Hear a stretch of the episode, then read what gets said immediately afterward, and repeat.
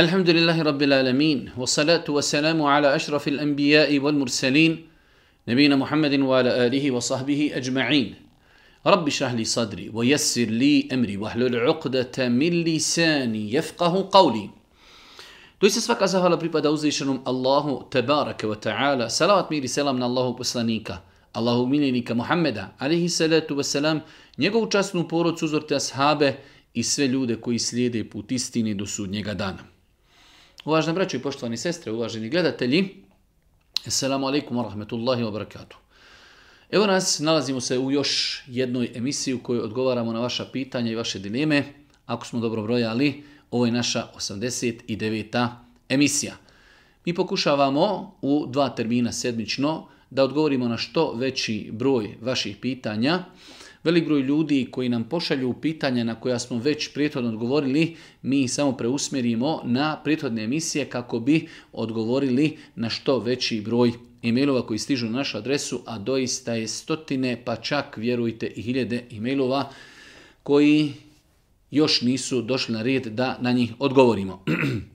Večerašnje prvo pitanje, e, pitanje bavim se poslom vodoinstalacija i često dolazim u situaciju gdje mi ljudi kažu nemoj šolju u toaletu okrenuti prema kibli. Da li je uopšte to bitno kako se šolja okreće i ima li neki vjerski propis u e, pogledu toga? Jedno pitanje, e, praktično pitanje, bitno pitanje, do sad to pitanje nismo nikako spominjali, a to je e, je li problem da čovjek u kući kada gradi toalet, znači mjesto obavljanja fiziološke potrebe poznato kao i šolja, e, da li se može okrenuti u pravcu kibli. Allah poslanik ali se letu selam izrekao je nekoliko hadisa u ovom poglavlju. Imam Buharija i Muslim bilježi hadis da je Allah poslanik ali se letu selam kazao kada dođete na mjesto obavljanja fiziološke potrebe, nemojte se okretati prema kibli niti prsima niti leđima ali se okrenite istočno ili zapadno, svakako ovo je e, hadis koji se odnosi na stanovnike Medine, zato što je znači e, pravac e, Kjabi tako da oni kada žele da se okrenu suprotno, onda se okreću istoku ili zapadu. Postoji jako razilaženje kod islamskih učenjaka e, da li se ovi hadisi odnose i na period kada čovjek situaciju, kada obavlja fiziološku potrebu u zatvorenom prostoru.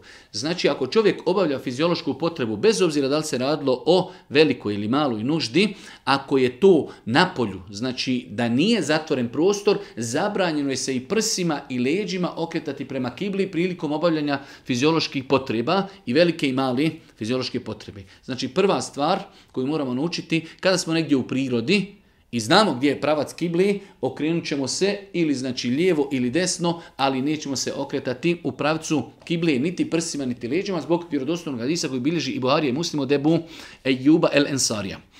Imamo hadis u Buhariju muslimu da je Allah poslanik ali se letu odnosno Ibnu Omar, kaže jednog dana sam se popeo na našu kuću, pa sam vidio Božiji poslanika ali se letu selam, E, kako obavlja, stoji na dvije znači cigle, kako obavlja fiziološku potrebu, a bio je znači e, okrenut leđima prema kibli ali je to bilo znači u zatvorenom prostoru, pa na osnovu ovog hadisa velik broj učenjaka je smatrao da čovjek ako obavlja fiziološku potrebu u kući, u zgradi, e, u zatvorenom prostoru, da nema smetnje da se okrene prema kibli, ali definitivno, definitivno da ako već gradimo WC, gradimo toalet i mi pravimo raspored, ne, svakako da je bolje bez obzira zbog općenitosti prvog hadisa kojeg znači bilježi Buharije, i Muslim od Ebu Ejuba Elensarija, bolje je da se čovjek ne okreće prema kibli ni leđima ni prsima tokom obavljanja fiziološke potrebe. Znači ponavljamo, rezimiramo odgovor kada smo na polju, negdje u prirodi, zabranjeno okretati se prema kibli tokom fiziološke potrebe i leđima i prsima.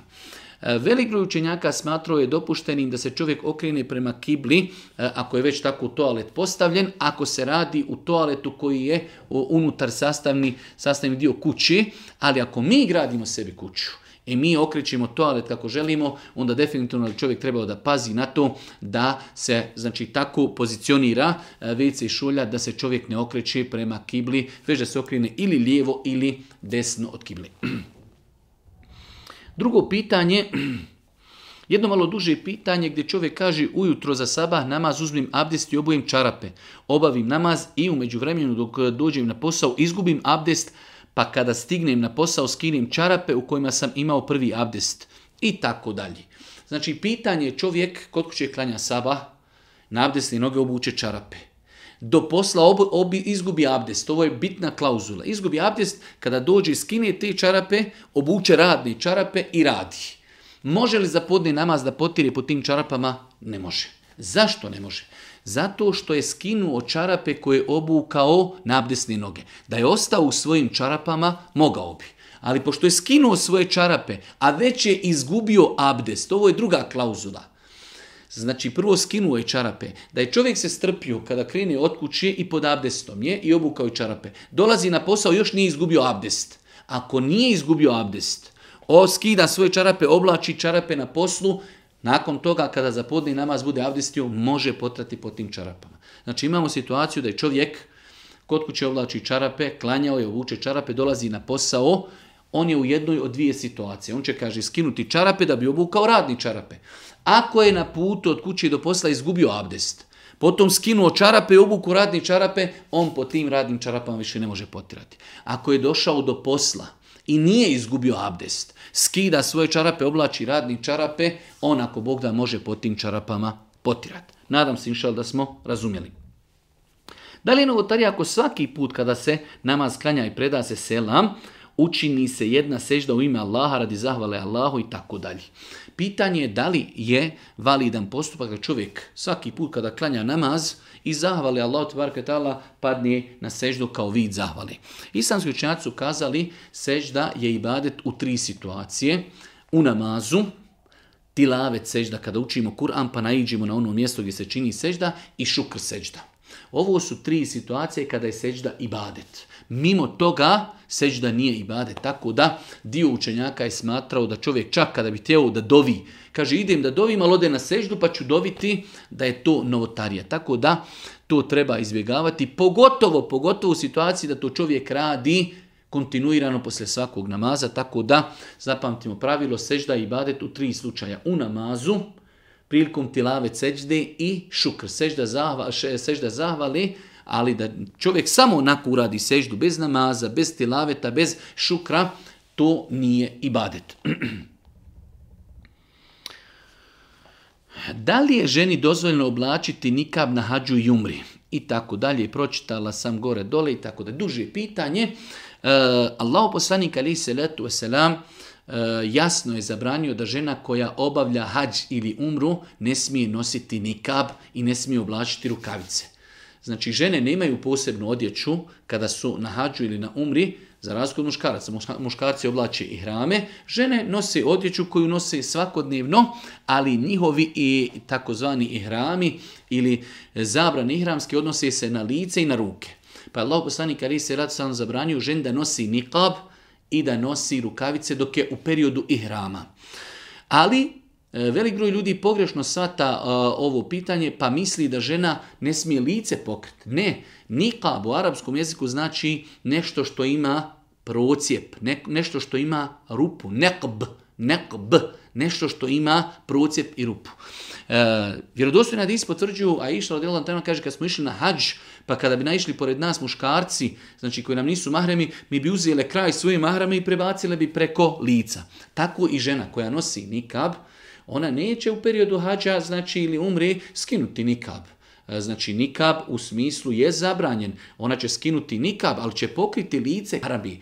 Pokriće neštim što nema prorez. Tako da znači kada je žena na hađu i na umri, da, njoj je zabranjeno nositi nikab, a nikab je nešto što ima prorez za oči. Ali nije rekao Boži poslanik, ne smiješ pokriti lice. Ili ne smiješ pokriti ruke. Ne smiješ obući rukavice. Tako da žena može ruke uvući u rukav. Znači, ili podbaciti pod mahramu i na taj način je sklonila svoje ruke. Kada je u pitanju nikab, žena može svoj dio mahrami prebaciti preko lica, da joj se lice ne vidi, ali je bitno da nema nikakav prorez. Zanima me da li je insa muškarac nakon oralnog zadovoljavanja džunup, kao da li je džunup nakon spolnog odnosa uz korištenje prezervativa. Dva pitanja. Da li je čovjek džunup on ili žena ako e, su imali e, oralno zadovoljavanje? E, mislim da smo jednom već odgovarali na ovako pitanje. Oralno zadovoljavanje samo po sebi ne čini čovjeka džunup ne čini da je čovjek džunup, ali ako umeđu vremenu čovjek dok se naslađuje sa svojom suprugom, neko od njih dvoje doživi orgazam ili doživi ejakuliranje sjemena, zbog tog ejakuliranja njemu je obaveza da se kupa, a ne zbog oralnog, oralnog naslađivanja. Pa oralno naslađivanje samim po sebi ne čini čovjeka niti ženu da je džunup. Kad u pitanju obaveza kupanja e, osobi koja prilikom intimnog kontakta koristi prezervative, ili takozvani kondome.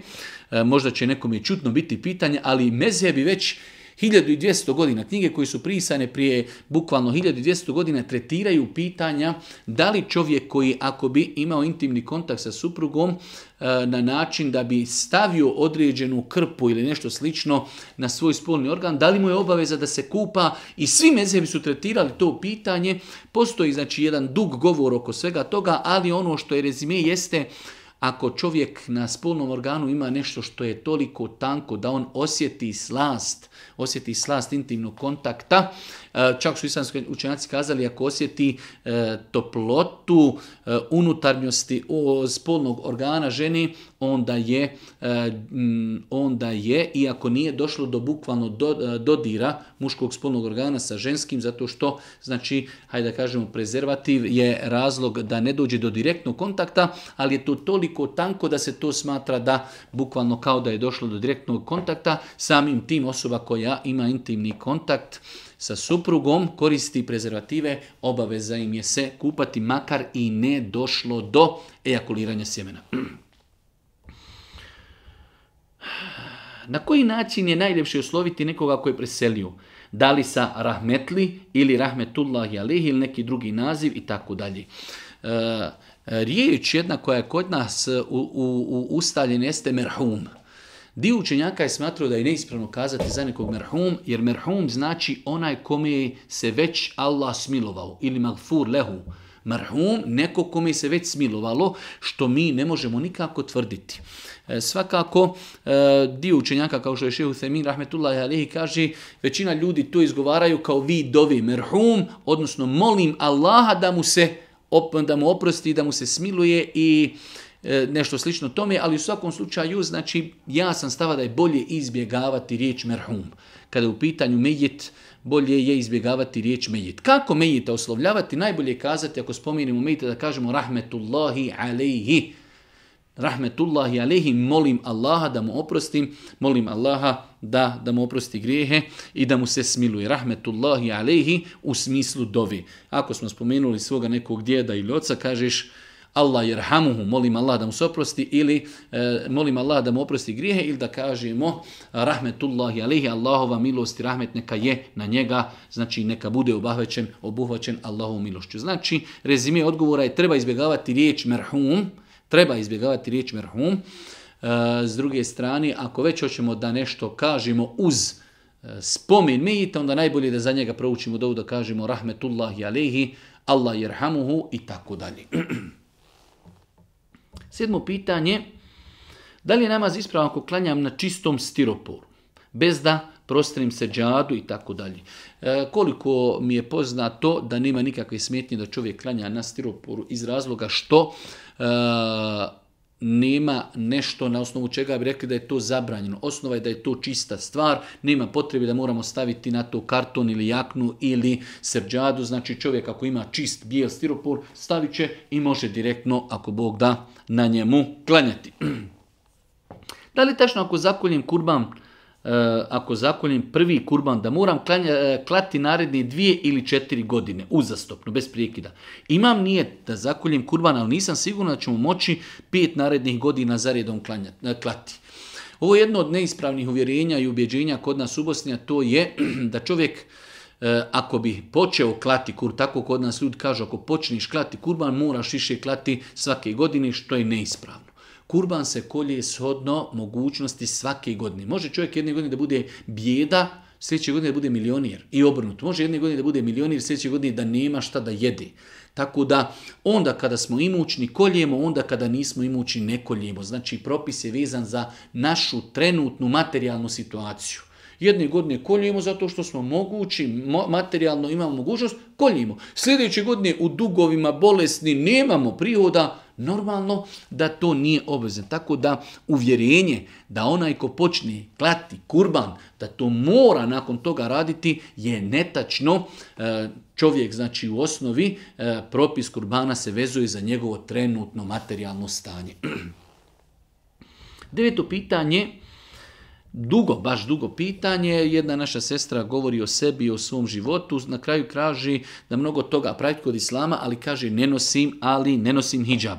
Jako mi je tiško zbog toga, ja bih mnogo voljela da stavim hijab, molim Allah za, za to na svakom namazu. Ali kao što rekao, udata sam, muž mi ne praktikuje toliko vjeru i tako da je. Sad na kraju pitanje, zanima me, da li ako mi je nije čist, ako mi Allah uzme dušu prije nego stavim hijab, da li ću zbog toga otići u džehennem? Jer je uvijek kada se sjetim da ću možda sad umrijeti, a nemam nimam hijab, suze idu i tako dalje. Znači, pitanje da imamo jednu sestru koja praktikuje mnogo toga od islama, voljela bi staviti hijab, trenutno još nije stavila hijab, pa se boji da li ako umri, da li će zbog toga u džehennem. E, ovo se pitanje vraća na pitanje ehli sunnetskog razumijevanja e, osobe koja čini veliki grijeh. Znači, žena koja nije pokrivena, ona i dalje muslimanka. Da, to nikako nema, ne znači omalovažavanje grijeha pokrivanja. Ženi je obavez da se pokrije, ali e, tim grijehom žena nije izašla iz vjeri. Ona i dalje muslimanka, klanja, posti, zikri, e, daje sadaku i tako dalje, daje zekijat, obilazi rodbinu.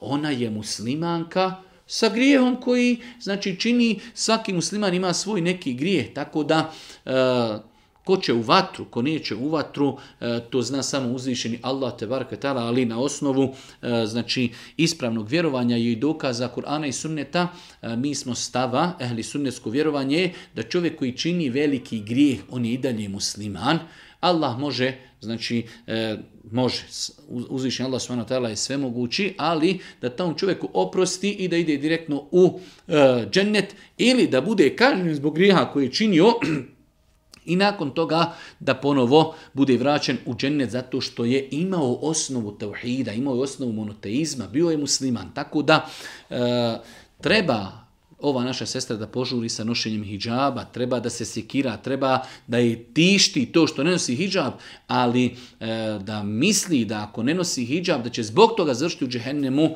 to je neispravno vjerenje i čak što više možda u jednu ruku i prekomjerno gubljenje nadi u Allahu subhanahu milost. Jedno malo duži pitanje, opet ćemo ga rezimirati, a to je da jedan naš brat poslao nam je pitanje gdje kaže da je umro njegov dedo. Umro je njegov dedo, iza dede su ostale dvije kćeri, E te dvije kćeri od dede, znači onaj, kćerke, imale su brata koji pognu u ratu i on je imao jednu kćerku sada živu. Što znači umro je djed. Iza njega su ostale dvije kćeri i ostala jedna unuka od sina kćerka pa su otišli na podjelu imetka, pa je sud dodijelio da te sve tri osobe i kćeri i unuka da dobivaju isto, podijelili su imetak na e, tri trećine i svako uzeo svoj dio, pa ovaj čovjek pita da li je to ispravno s aspekta islama. E, u poglavlju islamskog e, podjeli miraza, takozvani feraiz, feraid, E, postoji jedno posebno poglavlje za ovu kategoriju nasljednika, zove se Bintul Ibn, unuka, čerka od sina. E, kada ona nasljeđuje, kada ne nasljeđuje, dugo je to poglavlje. U svakom slučaju, e, u ovoj situaciji ona ne nasljeđuje zato što je taj djed koji umro, on je imao dvije kćeri da je imao jednu kćer, ta jedna kćer bi uzela polovinu imetka koji je ostao iza njenog oca, a jednu šestinu bi uzela unuka da njih dvije zajedno U potpune dvije trećine. Ali pošto imaju dvije kćeri, one uzimaju taj dio dvije trećine koji je, koji je e, odvojen e, za e, tu vrstu nasljednika. Tako da u situaciji, znači kada imamo djed, umro je djed, iza njega su ostale dvije njegove čeri i ostala jedna unuka, čerka od njegovog sina, ali taj sin je umro. Da je taj sin živ, ta svaka unuka ne bi ništa dobivala, bio bi miraz kroz drugačiji, ali je sin umro, prije njegovog oca, Znači, umro je djed, umro je čovjek, ostavio dvije kćeri i ostavio unuku koja je kćerka od čirka od njegovog sina. Njih tri su ostale iza njega. Da li ta unuka nasljeđuje? U ovom slučaju ne. U ovom slučaju ne, zato što postoji već dvije kćeri koje su uzele dvije trećinu metka.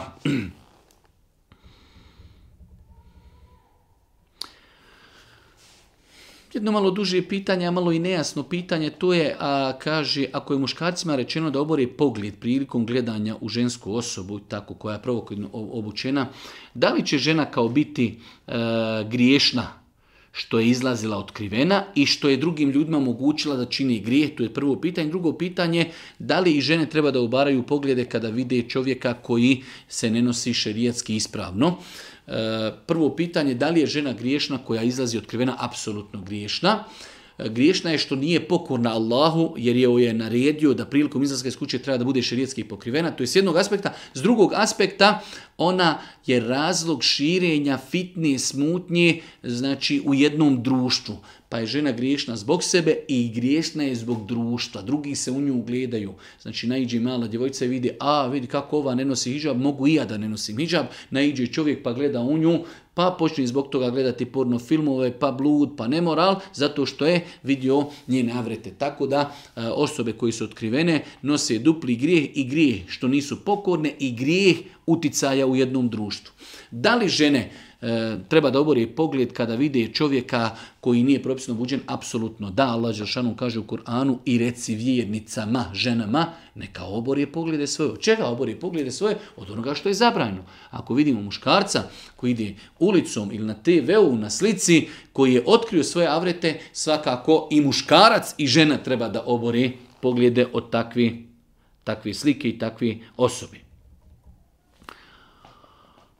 Imam jedno pitanje, kakav je propis kad se ide na umru, a dobije se tamo mjesečnica? Smije smo uzimati neka tableta da se ne dobije mjesečnica? Da li je to dozvoljeno? Pitanje je znači da li je dozvoljeno konzumirati tablete putem koji se odgodi mjesečnica kako bi osoba mogla obaviti e, hađ ili umru? E, ovo pitanje je pitanje e, koji treba vratiti doktorima. U osnovi islamski učenjaci su kazali s aspekta islama nije ništa problem da žena popije nešto čime će odgoditi svoju mjesečnicu. E sada, pitanje je e, koliko to šteti i koliko ne šteti. Nisu sve žene istog zdravstvenog stanja. Neke žene mogu popiti, pošto se to radi možda jednom godišnje, jednom u pet godina, jednom u životu. Znači, možda će to malo poslije na njih djelovati da će im se pomjeriti e, period mjesečnice, ali ako to radi jednom u životu, e, inšala neće im štetiti. Ali imate žena čije zdravstveno stanje je izuzetno loše, Pijenje takvih tableta moglo bi i tekako e, znači, skupo koštati. To je s aspekta da li se smiju piti tablete e, putem koji će žena odgoditi mjesečnicu, osnove da je dozvoljeno. E sada se vraća na svaku ženu da se konsultuje sa svojom doktoricom, da je pita može mi se to desiti, imam li do, dozvolu, smijem li i tako dalje, da li mi to šteti ili ne.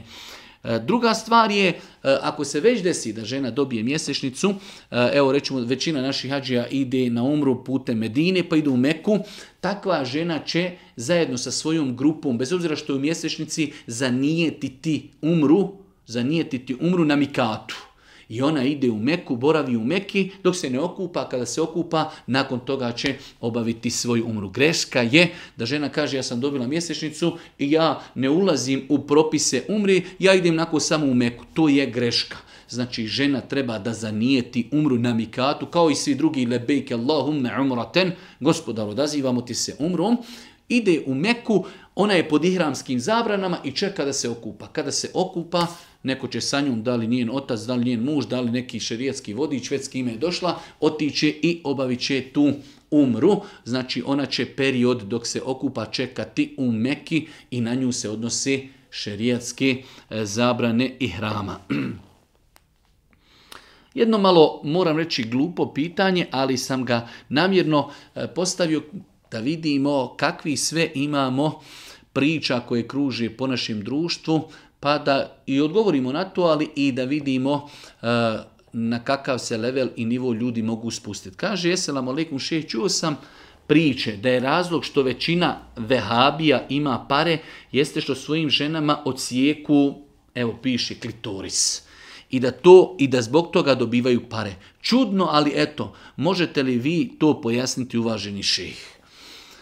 Znači, Pogledajte na kakav level su se spustili ti naši bošnjaci da e, smatraju da osoba, znači u njihovim očima je vehabija onaj ko praktikuje islam, žena koja je pokrivena, koja nosi hijab, boma koji ima bradu, koji diže ruke u namazu, e, skratio je nogavice, svetu od vjeri, znači sve su to sastavni dijel vjeri, e, takav je insan vehabija i kruže priče kako čovjek koji e, je takav, tako se deklariše, ima nekomu plaća zato što je on, zato što je on svoju ženu, ajde da kažemo, evo, e, osunetio ili e, ne znam nija kako bi to već se izrazio je bi to na svijetu, evo da kajemo, nekome je u interesu da neku ideologiju širi u Bosni, ali šta je to interes da neko nekom daje pare, evo živi ti od toga, ali samo to ženi da odrežiš.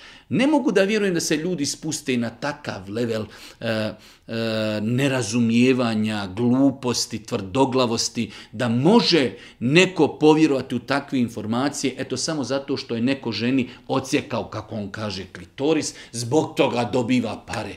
Znači da je rekao dobro zato što širiš određenu ideologiju, neko ti plac. To mogu razumjeti, ali razumjeti da nekome je u interesu da se širi ideologija e, takva da evo žena ako se osjeća klitoris dobit će neke pare zaista ne mogu da vjerujem da ima takvih e, ljudi koji to vjeruju, ali čovjek kaže čuo sam priče, ljudi pričaju, ljudi pričaju o tome Da li je dozvoljeno muslimanima dati ime po nekom anđelu meleku? Džibril, Israfil, Mikail i tako dalje. Islamski učenjaci u knjigama koji govori o ovom pitanju spomenuli su između ostalog da je pokuđeno davati e, ljudima imene meleka. E, jedan od razloga jeste i činjenica da sutra taj čovjek može raditi određene loše, e, loše dijela, grijehe i sutra će, evo da nadijemo nekom ime, Džibril. I sutra taj Džibril u zatvor, sutra je taj Džibril ubio nekog, sutra taj Džibril eh, pije alkohol i neko će kazati, eno se Džibril napio, eno Džibril u zatvoru, eno Džibril eh, i tako dalje. Tako da e, meleki su Allah subhanahu posebna, posebna stvorenja, apsolutno pokorna i smatram da bi na taj način bio jedan vid omalovažavanja melika da se ljudima daju njihova imena, tako da definitivno to treba izbjegavati. Pitanje broj 17. je li istina da tri nedolaska na džumu izvode iz vjere? Je li istina da tri nedolaska na džumu izvode iz vjere? Nije istina. E, ne doći na džumu je grijeh. Izostaviti džumu je grijeh. Došlo je u na da Allah poslani kazao onaj ko ne dođe uzastopno tri džume, Allah će zapečati njegovo srce. Ali tu, taj hadis ne možemo sad da taj čovjek i dalje nije musliman. Ovo je prijetnja onome ko ne dolazi na džumu, da će mu Allah zapečatiti srce. Ali to ne znači da je taj čovjek nemusliman. Malo prije smo govorili o pitanju žene koja ne nosi hijab. Ovo je identično pitanje. Ehli sunnet je stava da čovjek ako radi veliki grijeh, on je griješnik. Ali i dalje je musliman. Čovjek koji nije došao tri džume, ali klanja saba, klanja podne, klanja ikindiju, daje zekat, posti, on je griješan što nije došao u tri I ovo nikako ne znači poigravanje i omalovažavanje grijeha dolaska na džumu. Znači, doći na džumu čovjeku koji je punoljetan, koji je zdrav, koji nimu safir je obaveza, stroga obaveza, ali isto tako ako čovjek ne bi došao, klanjat će kod kuće podni namaz i nije izašao, nije izašao zbog toga iz vjeri. Nije zbog toga izašao iz vjeri, a uradio je ogroman, uradio je ogroman grije. Halalte na smetnji, ako može odgovor, vozač sam autobusa. Je li ispravno da klanjam u autobusu i kad završim, ili kad završim s vožnjom? Jer kad vozim, sjedeći klanjam. E, ne vidim razlike u tome da čovjek bude vozač autobusa i da čovjek bude vozač kamiona. Pogotovo ako znamo da postoje situacije u većini slučajeva kada e, moraju biti dvojica vozača da se mijenjaju neizmjenično kada se vozi na nekim međunarodnim ili međudržavnim e, relacijama. U svakom slučaju i kada bi rekli da čovjek sam vozi, opet, svi vozači moraju u datom momentu praviti neke pauze, pa kao što smo rekli ljudima koji sjede u tom autobusku i nisu vozači, trebaju klanjati kada se napravi pauza, tako i e, vozač autobusa, pogotovo vozač autobusa, on ima ingerencije, ne možemo se niko nešto plaho buniti, zaustavio, ljudi imate e, pauzu 10-15 minuta ako želi da popije kahvu, da obavi toalet, zaustavi autobus, Prostrije se džadu, Allahu ekber, klanja ako je musafir, svakako klanja dva rekiata podne, klanja dva rekiata i kindije i više do akšama i jaci nema šta klanjati. Opet kada nastupi akšam ili jacija, zaustavi se pauza 15 minuta, seđadu, okrene se prema kibli i znači klanja, klanja stojeći, izađi iz autobusa, pored autobusa klanja, akšam tri rekiata, jaciju dva rekiata i nastavivost. Tako da e, na fila se može klanjati sjedeći. Na fila se može klanjati i sjedeći i bez da se okrećemo u pravcu kibli. Kada je u pitanju farz namaz mora se klanjati stojeći i mora se klanjati u pravcu kibli. Osim u nekim izvjetnim situacijama smo rekli, e, ako bi čovjek kao neko ko se vozi u autobusu, Vozi se u autobusu, vozač ne pravi pauzu, izlazi namasko vrijeme, onda će čovjek klanjati sjedeći, ali u protivnom, ako postoji mogućnost da čovjek zaustavi, pogotovo ako je u pitanju vozača autobusa, on je tu šef, zaustavit će se, napravit će pauzu, iziće iz autobusa, seđadu, kreni se prema kibli, klanjati podne i kindiju, spojit, skratit i nastaviti dalje.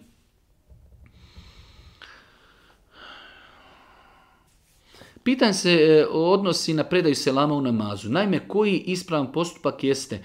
E, kako se ispravno predaje selam? Ovdje je čovjek sad naveo primjere da li čovjek znači, e, će prvo izgovoriti selamu alaikum pa onda makiti glavu ili će nekako drugačije. Ono što kaže islamski stručnjaci jeste da je pohvalno i lijepo kada se selam predaje da se počne izgovarati predavanje selama sa micanjem glavi. Pa će čovjek kada klanja, završio je sa učenjem etehijatu, salavata, dovi kaže Esselamu alaikum wa rahmetullah.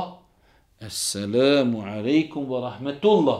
Znači, kada počne micati glavu, tada će početi izgovarati i izgovaranje traje do predaje selama na desnu stranu, nakon toga predaje selam na lijevu stranu i opet u toku, znači odlaska micanja glave prema lijevoj strani će izgovarati selam. To je nešto najljepše i najpotpunije, ali i da čovjek postupi drugačije, ako Bog da, sve je to ispravno, samo su to u pitanju nijanse.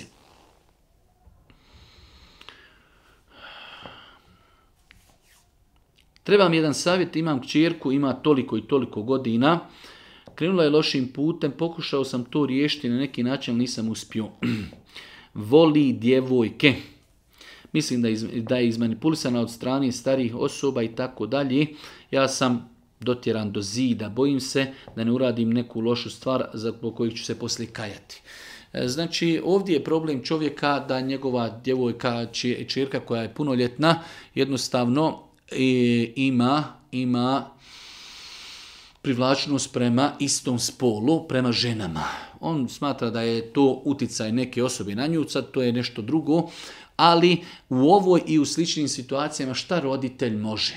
Roditelj jedinu stvar koju može u takvim situacijama, pogotovo ako živi na zapadu, a i da ne živi na zapadu, gdje god da živi, znači jedino što mu jeste razgovor. Jeste dijalog, jeste savjet, jeste e, znači razgovor dijalog, racionalan pogled na stvari, to je ono što čovjek može. E, uputa je od uzvišnog Allaha, te kvetala, čovjek vjernik kao roditelj svakako da ne voli i da mu to teško pada kada njegovo dijete radi nešto što je nastrano, što je zabranjeno, što je neispravno i tako dalje, ali poslanici bili poslanici Nuh alaihi selam poslanik svom sinu kaže u momentu kada je nastupio opći potop, je, ja bunije irke ma'na sine, de utkrcaj se s nama da se spasiš. Pa je njegov sin odbio. Znači, poslanik, poslanik, su najbolji pedagogi, najbolji odgajatelji, ali njegovo dijete nije prihvatilo istin. Tako da čovjek treba da poduzmi sve što može na lijep način. Da dovi Allah za svoje djete da ga sačuva, da ga uputi, na lijep način da vodi dijalog, da mu pojasni šta je neispravno, šta je ispravno. To je ono što čovjek može. Koga Allah Žešanu uputi, koga pomogne, to je Allahova milost. Koga ostavi u dalaletu, u zabludi, ko skrini, to je znači opet Allahova pravednost. Tako da šta čovjek može? Može samo savjetovati, može kritikovati, može govoriti, može voditi dijalog. Opet jedno malo duže pitanje, već godinu dana nosim nikav, stavila sam ga iz mnogo razloga. Na kraju se vra kaže, E, žena nosi nikab, ima sestru kojoj ne smeta što njena sestra nosi mahram, ali joj smeta što nosi nikab. Do te mjeri, kaže zadnja rečenica, nema ona ništa protiv nošenja mog hijjaba, a kaže e, nikab je razlog zbog toga zbog kojeg ona neće sa mnom da ima ikakav odnos sve dok ja nosim nikab. Pogledajte tog našeg E, nazovimo ga, evo ne znam kako da ga nazovem, tog našeg insana, bošnjaka, bosanca, e, da su ljudi, znači on bi možda mogao imati rođaka, prijatelja, pozem koji e, pije, drogira se, e, u kladionici je, ne klanja nikako i njega nikako ne bojkotujemo. Imamo rođenu sestru, rođenu sestru koja nosi nikab, koji je koji je utemeljenje, ima svoje uvjeri, nikab je ili je sunnet ili je vađib. Znači nikad niko dulemi nije rekao da je, da je nikab nešto što ne treba nositi. Već su samo govorili je li obaveza ili nije obaveza. Sve žene Božih poslanika su nosile nikab i onda dođe rođena sestra i kaže možeš nositi hijab, ali ako ćeš nositi nikab ja neću s tom razgovarati treba takvoj ženi znači dati do znanja da ne treba da se miješa ljudima u život ovo je moj život, radim ono što mislim da je ispravno. I onda ljudi ne razumiju šta znači, ovo je mržnja prema propisu. Mržnja prema propisu da čovjek kaže, ako ćeš ti prakticirati taj sunnet ili vađib, ja neću s tom pričati. Prvo što se mi petljamo drugim ljudima u njihov život. Nije mora to pravu. Druga stvar, to je vjera. Nikab je vjera. Ne smijemo se poigravati sa tim. Ne smije se mrziti nikab. Sve supruge Božih poslanika su nosile nikab. Svi mezhebi su rekli da je nikab utemeljen. Čak hanefijski mezheb kaže ako su vremena smutnje, kada se ljudi odalje od e, vjeri, kada nema stida, ako je žena mlada i lijepa, vađi bio je nositi nikab. To po našem hanefijskom mezhebu. I onda neko dođe i kaže, ako nosiš nikab, neću s tobom razgovarati sve dok nosiš nikab. Umjesto da kaže, sestro, Allah te nagradio, ti si primjer, ti si uzor, imaš moju podršku, ti si jedina u našoj familiji koja to nosi. Ne, obrnuto. Tako da ne treba ova naša sestra da pomišlja da ugodi toj svojoj sestri. Već joj treba jasno do znanja da zna, da joj da do znanja da to što radi je neispravno. Da joj kaže da ne treba se miješa u tuđi život. Znam da je jedan od najvećih grijeha izvršiti samoubistvo. Da li se pod samoubistvom može svrstati naše svjesno kršenje zakona prirode i fizike, e, tačnije neko ko vozi automobil 200 na sat na lošim putevima i tako dalje, pogini, da li je to samoubistvo? U svakom slučaju, dio učenjaka savremenog doba je da osoba koja vozi auto velikim brzinama preko ograničenja i to vožnja sama, ta vožnja bude razlogom njegove smrti, da su to smatrali samo ubijstvom. Tako da, ovo je jedan dodatni e, motiv da čovjek pazi u vožnji i na sebe i na druge, da se pridržava koliko može u granicama ljudske mogućnosti, što više se pridržava propisa, e, znači javnog saobraćaja, kako ne bi ugrožavao svoju sigurnost, tako i tuđu. Čovjek koji vozi 200 na sat po lošim putevima ugrožava svoju sigurnost, to je u redu, ali ugrožava tuđu sigurnost. Ubiće čovjeka i ženu i njihovi petero djeci u autu koji idu u kontrapravcu. Ubiće tuđu životinju, e, će velike materijalne štete, udariće u benzijsku, udariće u kafić, e, ubiće čovjeka, ubiće djecu i tako dalje. Znači prvo što nanosi sebi štetu, nanosi štetu i ljudima iz svoga okruženja, tako da e, e, dio učenjaka je smatrao da se to smatra samoubijstvom. Znači nekontrolisanja, nekontrolisano voženje auta e, velikim brzinama, na lošim putevima, dio učenjaka je smatrao, znači ako to bude uzrok čovjekove smrti, da je to znači samoubijstvo. Jedno duže pitanje koje sam ja rezimirao, Eh, a to je da imamo više puta pitanje gdje roditelji nakon razvoda braka uvjetuju svojoj djeci. Primjer radi ako eh, se razvedu roditelji i djeca ostanu uz majku. I sutra ta djeca kada odrastu želi da stupe u kontakt sa svojim ocem, bez obzira što je on možda e, zakazao, nije finansirao, možda je e, bio kriv u pogledu obođenja prema majici, ali ta djeca i dalje imaju obavezu prema svom ocu. To je šerijatski, znači obaveza i dalje čini dobročin. I onda i majka kaže, ako se javite svom ocu, nemojte više se meni javljati. I obrnuto. Imate očeva koji kažu djeci koja su odrasla sa ocem i kaže ako se javite svojoj majci više za mene ne postojite. To je neispravno, to je haram. Znači, ta djeca imaju dva roditelja. Njima je obaveza da čini dobročinstvo i ocu i majci. To što se otac i majka razišli možda je neko od njih doista i kriv, ali to ne treba da snosi, e, posljedice toga ne treba da snose djeca. To što je možda majka odgojila djecu 15-20 godina, a njihov otac nije dao marki, to nikako ne znači da ta djeca ne treba da se javi svome ocu da mu čini dobročinstvo. Njihov otac je zakazao prema majci i prema djeci i on će za to odgovarati. Ali ne treba ta majka da bude razlogom huškanja svoje djece protiv svoga oca, pa da i oni budu griješni na sudnjem danu. Ovako imamo jednu krivca, imamo čovjeka zakazao je prema djeci. Ili majka napustila djecu, ostavila ih kod oca. To je greška.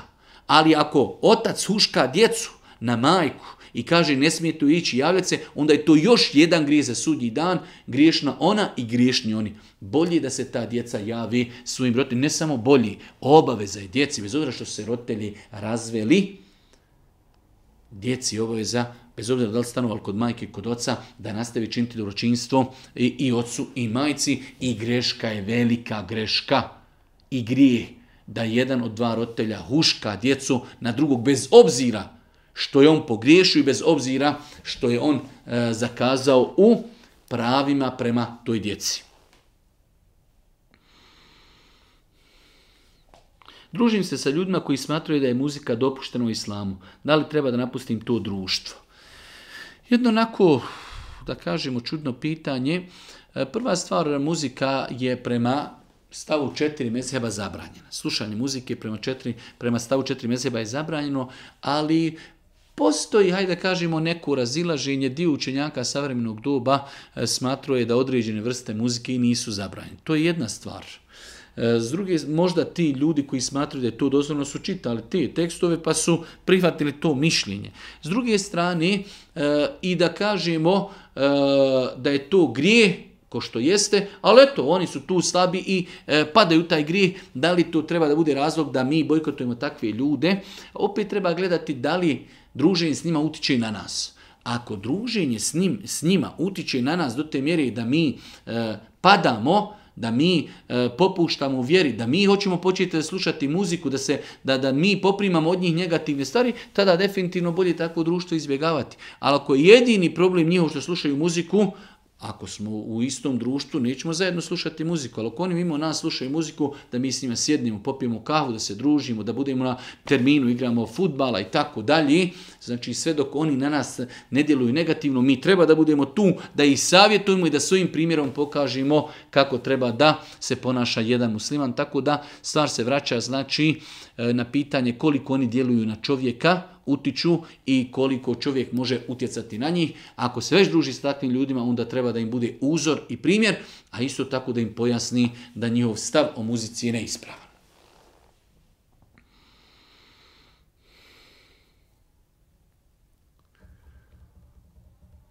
E, jedno pitanje e, naše sestri, nedavno sam prešla na islam, vratila se izvornoj vjeri, Uči klanjati e, ima poteškoća u izgovoru na arapskom pitanje da li se može klanjati namaz na maternjem jeziku. Ne može se klanjati namaz ni na jednom e, jeziku drugom osim arapskom. Ono što je, e, da kažem, olakšica jeste da čovjek u samom startu dovoljno je da nauči najosnovnije stvari koje mogu biti razlogom da namaz bude validan. Najbitnije čovjek nauči početni tekbir, Allahu Ekber, da nauči fatihu, da nauči zikrove na, na ruku, na seđdi, E, da nauči tehijatu, znači da nauči ono što su ruknovi, da počne klanjati, da je njegov namaz stabilan i validan. Nakon toga će lagano učiti euzu, pa bismilu, pa subhaneke, pa jednu suru i tako dalje, dodatne dove, ali vjerujem bez obzira koliko čovjek nije imao kontakta sa tim nekim arapskim jezikom, primla je žena islam ili čovjek, nadam se za 5, 7, 10, 15 dana ako ima tu volje, ako ima želje, ako ima truda, znači treba naučiti tekbir, treba naučiti fatihu, treba naučiti etehijatu. Nisu to sad neke, pa na kraju kreva rekli smo i da čovjek ima potrebu da to napiše sebi na papir, pa sa papira da pročita u namazu. Sve to ako Bog da dozvoljeno za čovjeka koji je početnik, tako da e, rezime ne može se namaz klanjati na bilo kojem drugom jeziku osim na arapskom, ali kao vid olakšici možemo početi da namaz klanjamo sa onim najkrupnijim stvarima koji su islamski učenjaci okarakterizirali da su ruknovi, da su temelji temelji, od kojih je svakako najbitniji fatiha, najbitniji da znamo sve postupke u namazu, kijam, ruku, seđda i tako dalje i osnovni zikrovi koji se uče Svana Rabijel Eala, Svana al Azim, Semi Allahu limin hamide, Rabbena velike hamd i etehijatu. To su stvari koje trebamo naučiti, a vjerujem da se to sve može uz Allahu pomoć ako ima imalo htjenja, volje, imamo na internetu toliko učača, toliko videomaterijala snimljeni, da to ako Bog da za 3, 4, 5 dana možemo naučiti.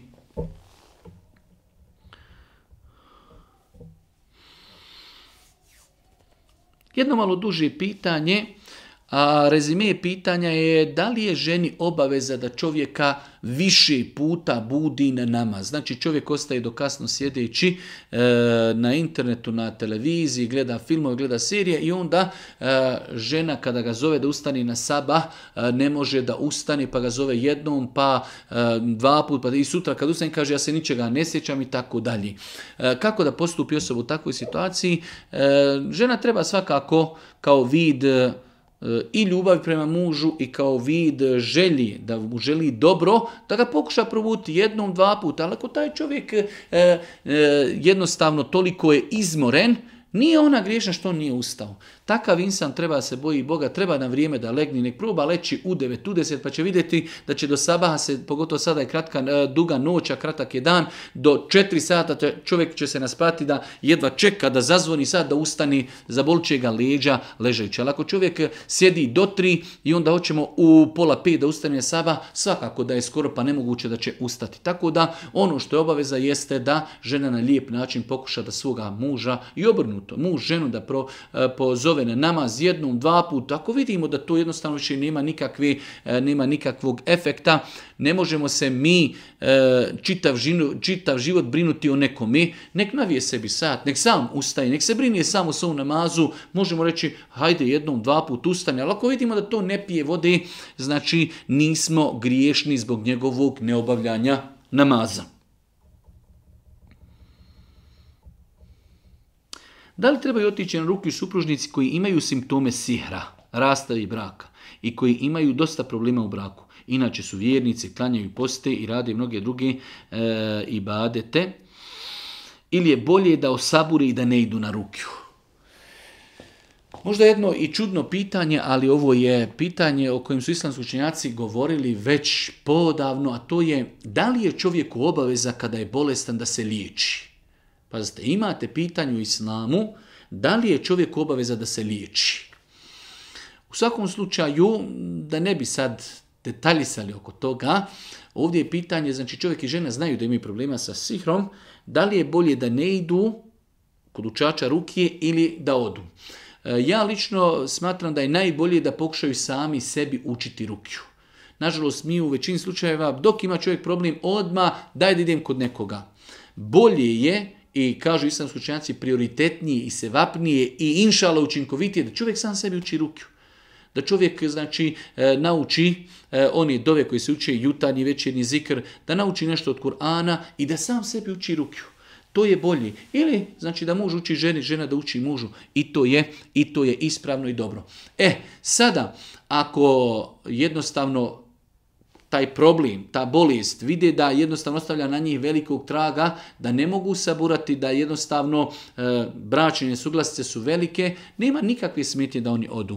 Ono što je došlo jeste da čovjek koji odi i traži da mu se uči rukja, neće biti od onih 70.000 ljudi koji će ući u džennet bez polaganja računa ali e, nije nikakav problem, niti je šerijetski zabran da čovjek ode da mu se uči rukja kod osobe koja ispravno uči rukju. Ali isto tako da prouči sam sebi ili da osaburi na određenom problemu, da se strpi radi Allah, te bar isto sve su to dozvoljene i dopuštene stvari.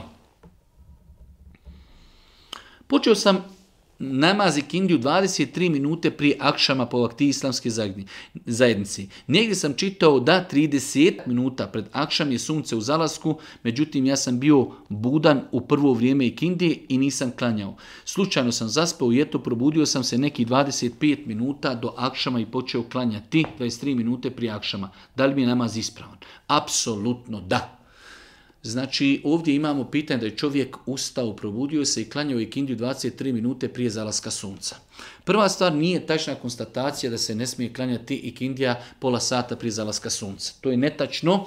E, to je vrijeme kada je zabranjeno klanjati na filu do zalaska sunca. Ali čovjek koji nije klanjao, na, e, koji nije klanjao farz, njemu je obaveza tada mora klanjati. Boži poslanik kaže u na Adisu, ko stigne klanjati rekiat. Rekiat. Allahu ekver, subhaneke, fatiha i sura i rekni Allahu ekver, stigu na ruku. Koliko to treba? Tri minute. Ko, sta, uspije klanjati jedan rekiat prije zalaska sunca, on je stigo klanjati kindiju Tako da, znači ako se desi da čovjek zaspi i onda se probudi 20 minuta, 25 minuta, 15 minuta prije zalaska sunca, požurit će, abdestit će i klanjat će i kindiju namaz. I e, to je s jednog aspekta. drugog aspekta je da čovjek ako je zaspao u islamu, ako je zaspao čovjek, znači onog momenta e, svakako treba poduzeti sve da ustane, da klanja, ali čovjek ako prespava neki namaz, njemu ko vrijeme nastupa onda kada se onda kada se probudi. Odgovor rezimiramo, E, znači, da li je ispravan namaz osobe koja je klanjala 23 minute prije zalaska sunca? Apsolutno da.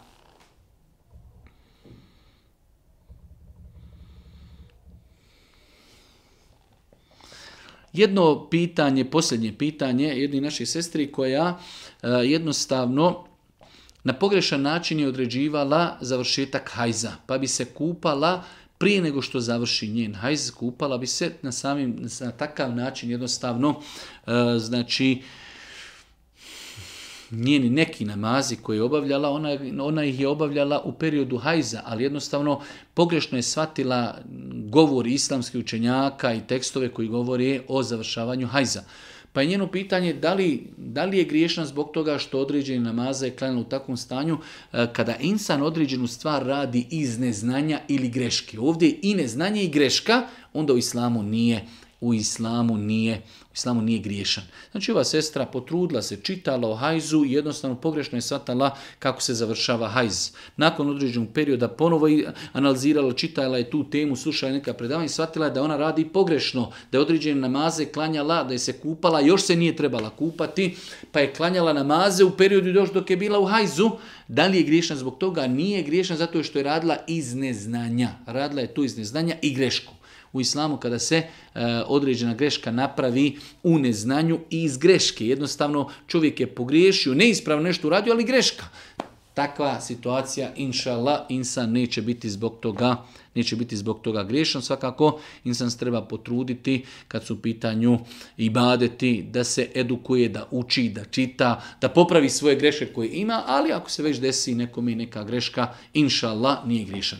Allah subhanahu molimo da nas učesti na putu istine, nam podari i dobro i dunjalka i hireta, da nam podari korisno znanje i na kraju subhaneke, Allahumma bihamdike, ešhedu in la ila in stakfiruke wa etubu